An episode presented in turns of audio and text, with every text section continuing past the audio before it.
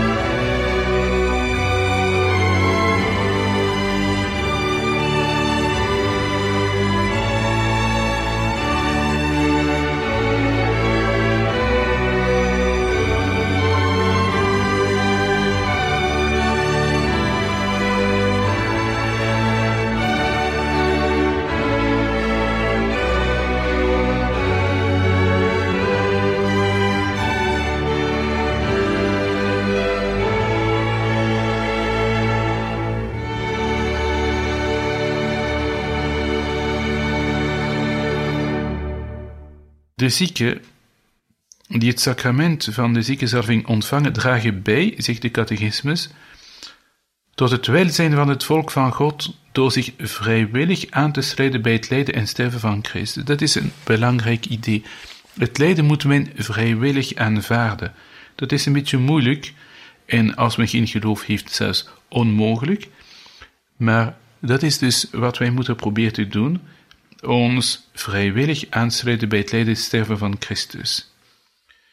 Door de viering van dit sacrament spreekt de kerk in de gemeenschap der heiligen voor de ziekte ten beste. Dus de kerk bidt voor de zieke. Maar door de genade van dit sacrament kan de zieke op zijn beurt bijdragen tot de heiliging van de kerk en het welzijn van alle mensen. En op die manier zich eigenlijk verenigen met Christus. En tenslotte geeft de ziekenzalving ook een voorbereiding op de laatste overgang. De mensen zijn altijd een beetje bang wanneer ze de dood ingaan, maar ze vragen zich af, wat gaat er gebeuren nu? Hè? Zal ik alleen zijn of... Het is belangrijk dat de kerk op dat ogenblik laat voelen dat men aan de persoon die de overgang doet naar het eeuwige leven, dat die niet alleen is, dat die gesteund is door de kerk, door de sacramenten, door de Heilige Geest. En eigenlijk is het absurd te denken dat wij eens dat wij sterven in een soort eenzaamheid zullen komen. We zijn opgewacht, opgewacht aan de andere kant, door mensen die ons graag zien, door onze, onze voorsprekers eh, die al een hele tijd bezig zijn ons te volgen hier op aarde en voor ons aan het bidden een priester, een dorpgenote van de zalige Eduard Pop, was aan het sterven. En hij vroeg zich af, wat gaat er nu gebeuren in de komende momenten? Hm?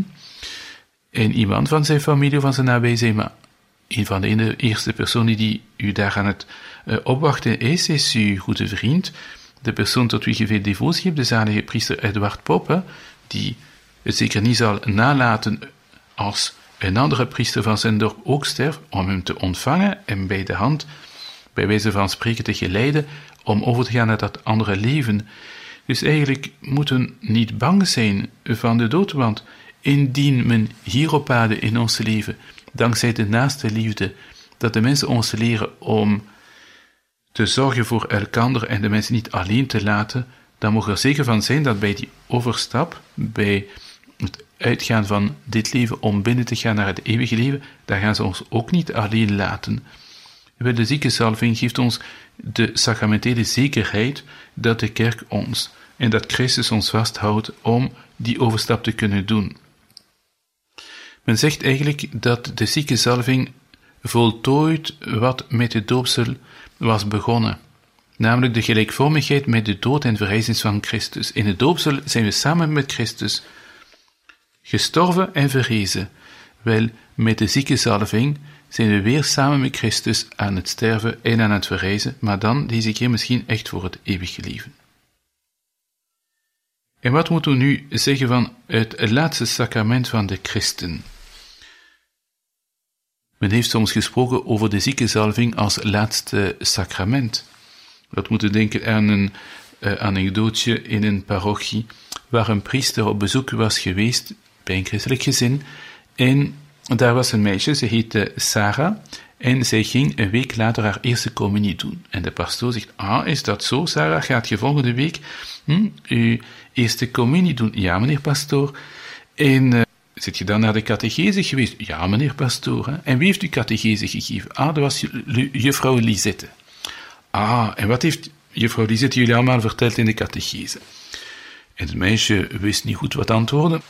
En dan begint de pastoor zich vragen te stellen, maar ze heeft u toch verteld over Jezus? Ah ja, ja, ja, ja, Jezus, ja.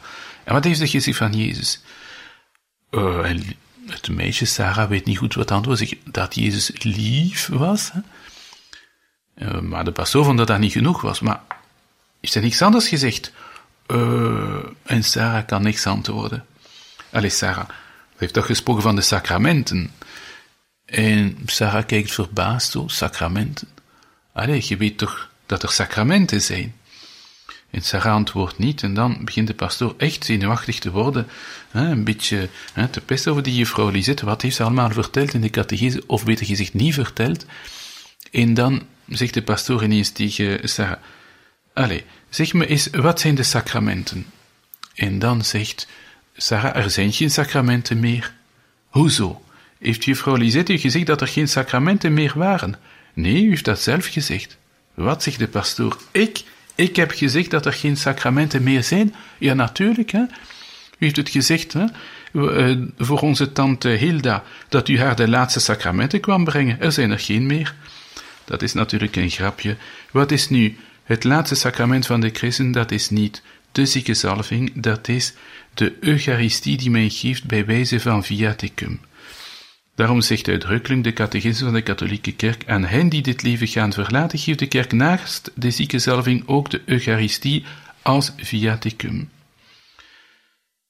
De woorden van het evangelie van Johannes indachtig, wie mijn vlees eet en mijn bloed drinkt, heeft eeuwig leven en ik zal hem doen opstaan op de laatste dag.